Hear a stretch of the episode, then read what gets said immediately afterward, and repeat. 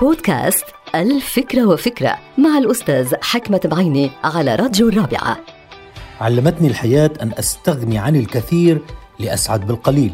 قول جميل جدا ولكنه صعب التنفيذ أي أنه من الصعب على الإنسان أن يتخلى عن ما يملك من ثروات وموارد ليسعد في الحياة. الإنسان بيعتقد أن الكثير من الممتلكات والثروات المالية تجعل إنسان أسعد وأقوى من غيره. كما يعتقد أن الكثير من الموارد والإمكانيات تجعل منه من كبار المشاهير وأصحاب الجاه والعز. هذا ربما صحيح ومنطقي لكن الشهرة والجاه والعز ثمنهم كتير غالي أحيانا ونتائجهم من مضمونة أحيانا أخرى.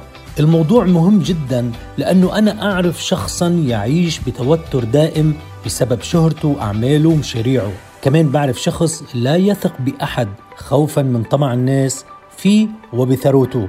طبعا هون أنا لا أدعو إلى التخلي عن الثروة أو الشهرة طمعا فقط بالسعادة بل أدعو كل من لا يستطيع أن يدير هذه الثروة أو الشهرة بطريقة جيدة أنه يتخلى عنا أو عن جزء منا. كما أدعو كل من يرهق نفسه بالمشاريع وضغوطات العمل أنه يتخلى عن جزء منا ليحفظ ما تبقى من صحته الجسدية والعقلية في هذه الحالات فقط أنا أدعو إلى التخلي عن الكثير لننعم بالقليل.